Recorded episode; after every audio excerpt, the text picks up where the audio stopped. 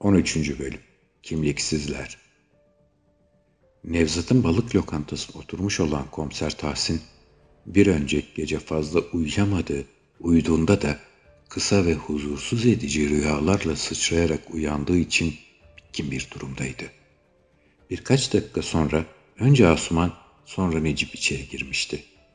Hafif toparlanarak ayağa kalktı ve onlar da selamlaştı Tahsin. Nevzat da birkaç dakika sofrayı donatmış, bir yandan konuşmaya bir yandan da yemeye başlamışlardı. Tahsin, bir önceki gün Zihni Beş ile yaptığı sohbeti ve sonrasında kendisine çarpan adamı anlattı önce. Akabinde cebinde USB belleği ve bir fotoğrafçı da çıkarttığı fotoğrafları masaya koydu. O an masada bir toz zerreciği hareket edecek olsa duyulurdu. Herkes susu vermişti. Çünkü fotoğraftakiler kendileriydi. Hepsi izlenmişti. Nevzat balıkçı teknesiyle açılırken yakalanmıştı objektiflere. Necip bir lokantada tek başına yemek yerken, Asuman oturduğu dairenin yer aldığı apartmana girerken, Keza Necip gene arabasının içinde yeşil ışığın yanmasını beklerken, en bombasıysa hepsinin oturup sohbet ettiği bir akşam balık lokantasının dışından çekilmiş olan fotoğraftı. Ne düşünüyorsunuz? diye sordu Tahsin. Kimseden bir ses çıkmayınca sorusunu yeniledi. Ne gibi komiserim? diye sordu Necip. Yani tehlikedesiniz, bu belli. Şu an hem de şu dakikada vazgeçebilirsiniz. Gönül koymam. Sonuçta ben kaç yaşına gelmiş birisiyim. Kaybedecek hiçbir şeyim yok. Ama siz ikiniz gencecik pırıl pırıl insanlarsınız. Nevzat'ın da zaten bu dosyayı devam ettirme zorunluluğu bile yok. Onun niye devam etmek isteyebileceğini hiç bilmiyorum. Masada tekrar bir sessizlik oldu. Sessizliği Nevzat bozdu. Ya Tahsin, kaç kez diyorum sana fazla kaçırma şu mereti diye. Üçüncü dublen mi senin o? Komiser anlamadığını ifade eden bir bakışta bakınca bir öf çekerek sözünü açtı Nevzat. Yahu diyorum, rakıyı çok kaçırıyorsun. Çok kaçırınca da saçmalıyorsun. Bu işe birlikte giriştik. Ben eminim ki çocuklar da benim gibi isteklidir bu dosyayı sürdürme konusunda. Hem bu kadar yol almışken vazgeçilir mi ulan? Adamı döverler valla. Güldüler. Necip ve Asuman da kafasını sallayıp Nevzat'ı onaylamışlardı. Tahsin üzerine belli belirsiz bir rahatlık çökmüştü. Yemek bitene dek normal konulardan bahsedip durdular. Ancak hepsinin aklı fotoğraflardaydı. Bu açıkça belli oluyordu. Yemek bittiğinde ise Asuman Türk kahvesi yaptı ve hepsinin aklını meşgul eden konuya dönüş yaptılar. E ne yapacağız? diye sordu Necip. Ona az meraklı bir sabırsız bakışta. Tahsin derin bir nefes alıp camdan dışarı görünen kayalıklara ve kayalıklara vuran dalgalara bakıp düşündükten sonra konuştu. Mücadeleye devam. Bence ilk olarak soruşturmanın başlangıcında araştırdığımız öldürülen çocuğun komşularına dair araştırmamızı yoğunlaştırmalıyız. Siz ne dersiniz? Asuman başını sallayıp yanında getirdiği çantasından bir dosya çıkardı. Ben araştırdım komiserim ama bir sıkıntımız var. Tahsin'in gözleri parlamıştı. Araştırdın demek. İşte polislik refleksi budur kendi halkını döverek polis olduğunu sananlara rağmen senin gibilerinde olması müthiş. Asuman sabırlı bir edayla sözlerini sürdürdü. Araştırdım ama bir sorun var.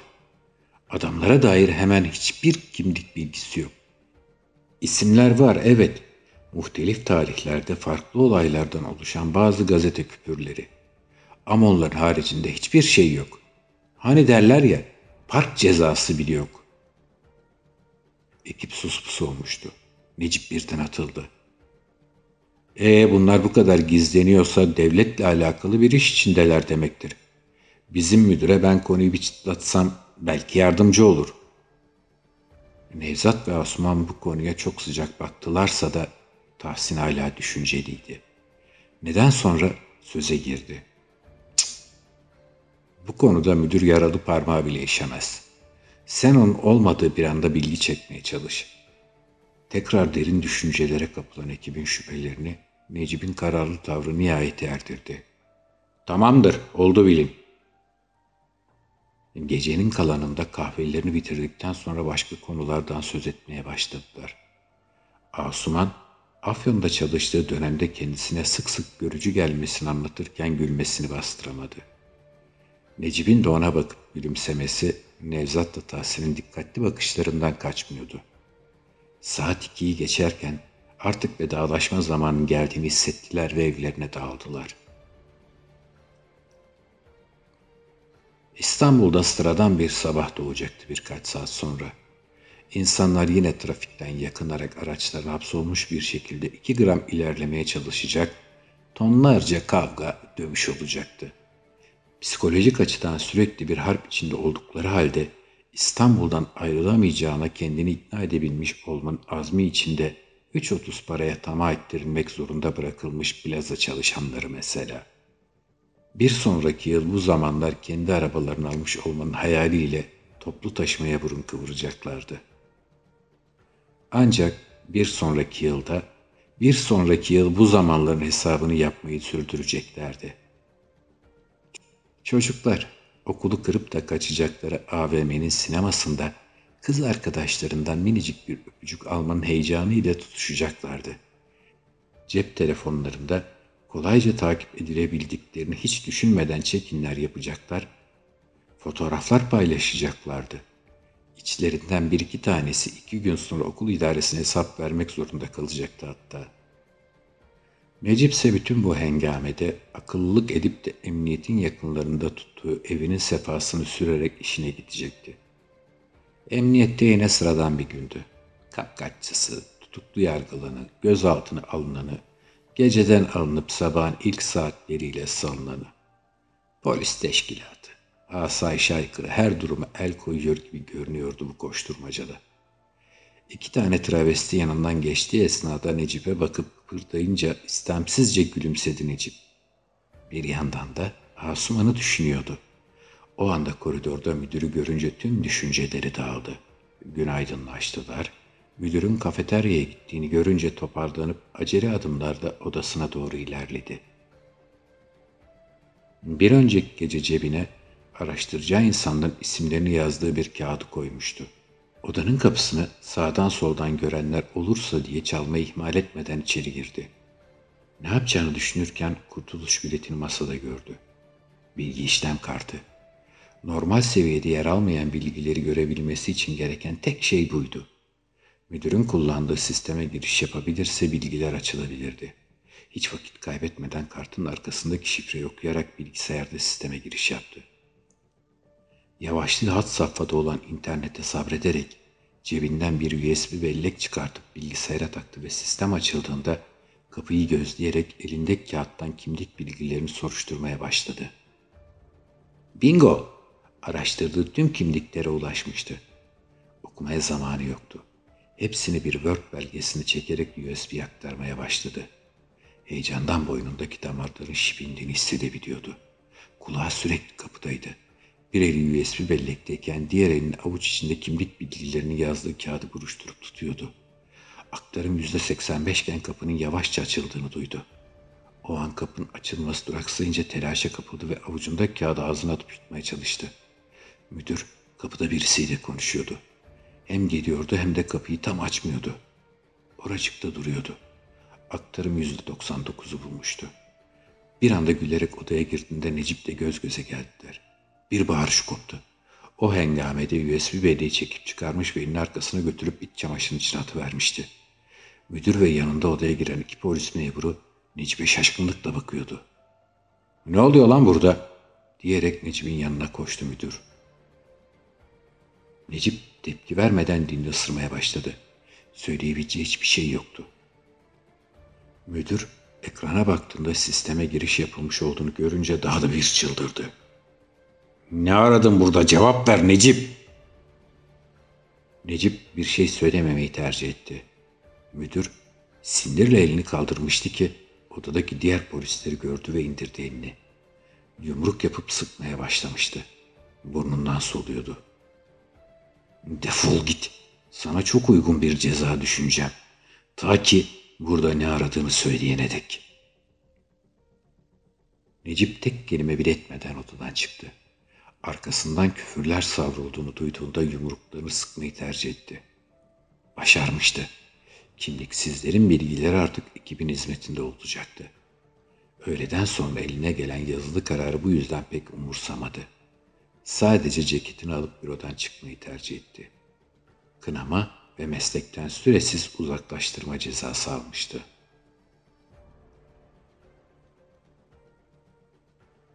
On dördüncü Bölüm Zincir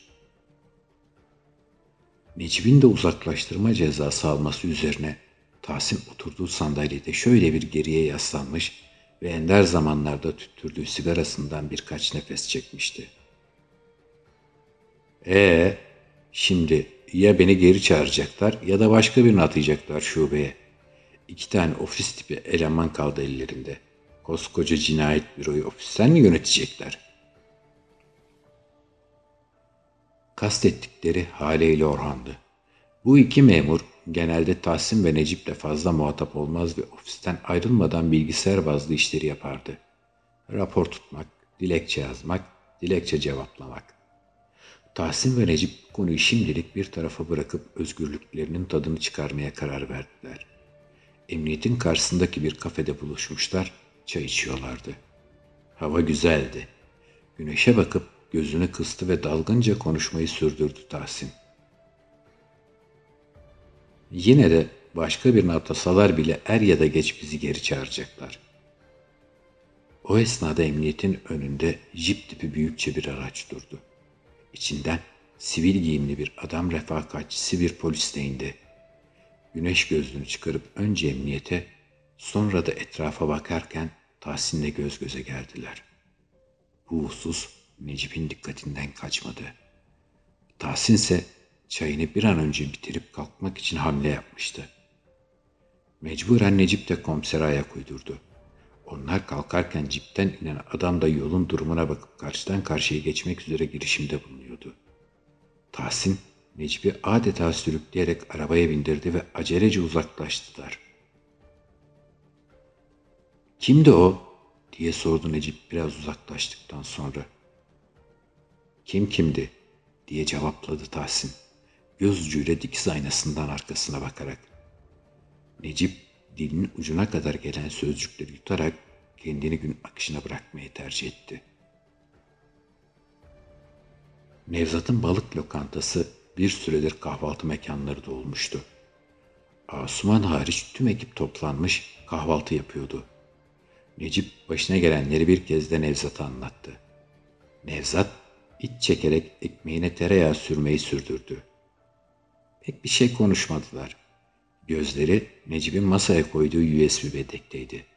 Necip'in aldığı bilgileri kontrol edebilmeleri için Asuman'a ihtiyaç duyuyorlardı. Zira ellerindeki tüm belgeler Asuman'ın bilgisayarında kayıtlıydı. Kahvaltı sonrası hem açık havada oturmak hem de birer Türk kahvesi içmek için yakınlarındaki bir çay bahçesine gitmeyi tercih ettiler. Garsona siparişleri verdikten sonra denize bakarak bir süre sustular.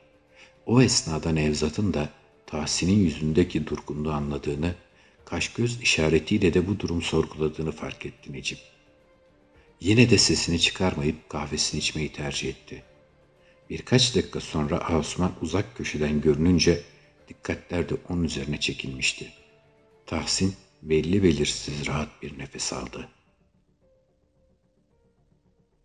Asuman geldi. Masaya oturdu ve de ağzını açmadan gelen garsona bir tost ve çay siparişi verip garsonu başlarından savdı. Mesajını alır almaz gelecektim ama yeni bir görevin ortasındaydım. Yetişemedim.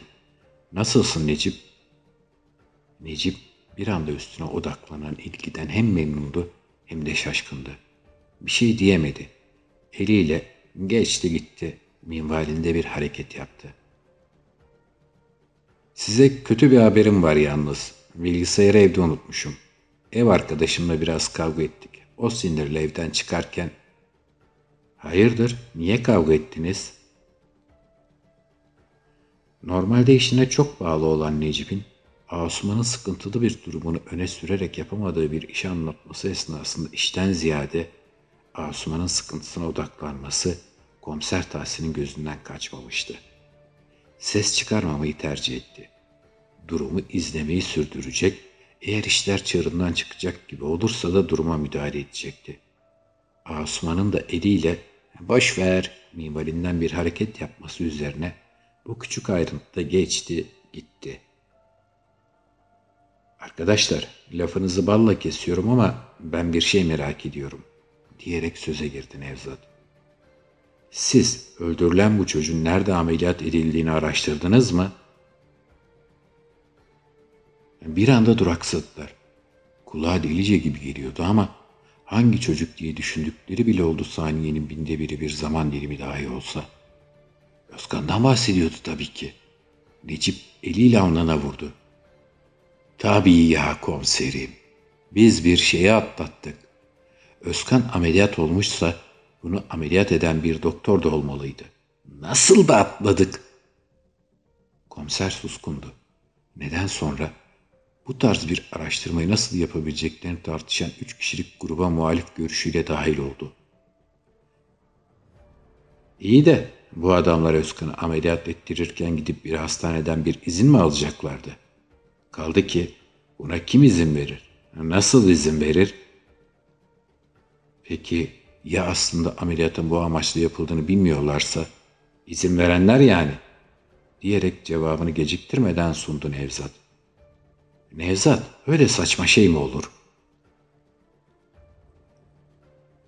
Son cümlesini kurduktan sonra duraksadı komiser. Pekala da olurdu. Emniyetin içine dek sızan bir yapılanmanın pıtrak gibi çoğalmış, tamamen cüzdana odaklı özel hastanelerden birisinde kendisine yer bulamayacağı ne malumdu.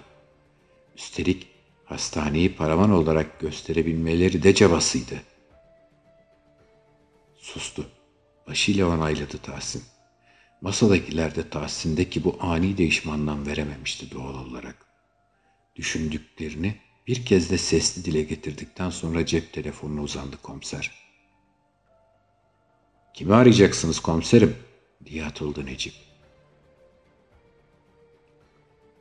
Tahsin cevap vermemeyi tercih ederek telefon rehberinden bir numarayı buldu ve arama tuşuna bastıktan sonra telefonu kulağına götürdü.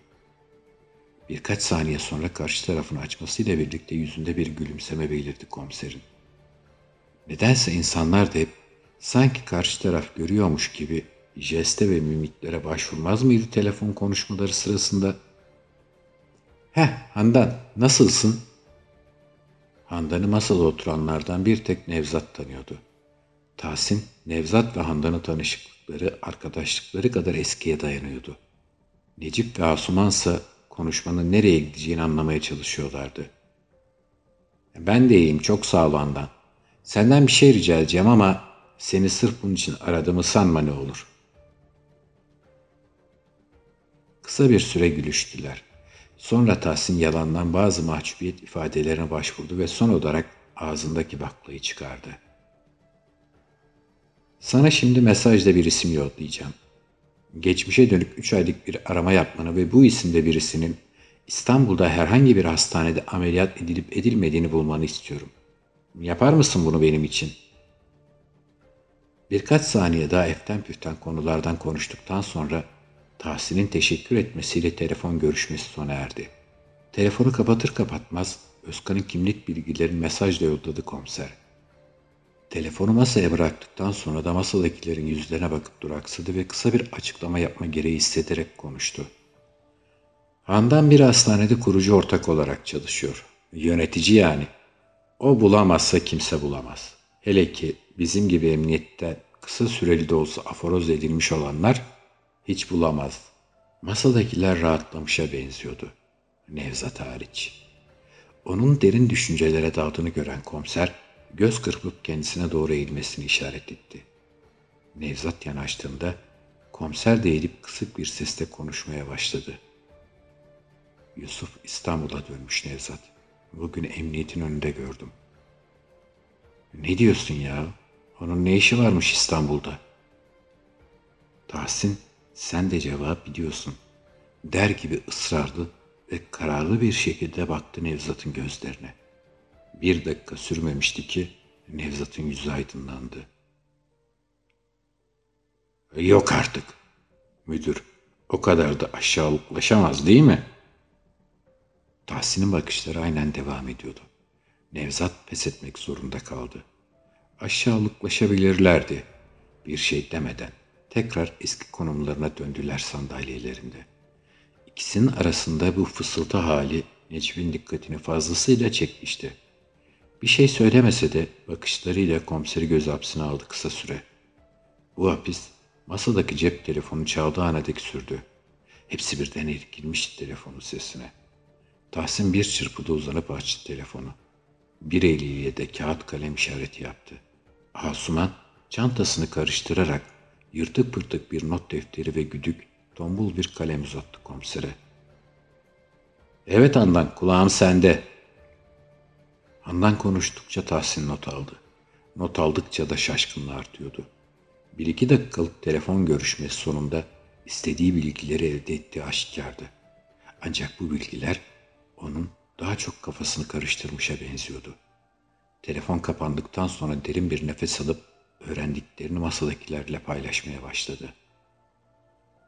Ameliyat iki buçuk ay önce gerçekleşmiş. Kulak ameliyatı diye geçiyor ama ayrıntısı yok. Ameliyat Gata'da yapılmış. Ancak ameliyatı yapan doktor Gata bünyesinden değil, özel görevlendirilme ile ameliyat yapmış. İsmi de Murat Ersal'mış.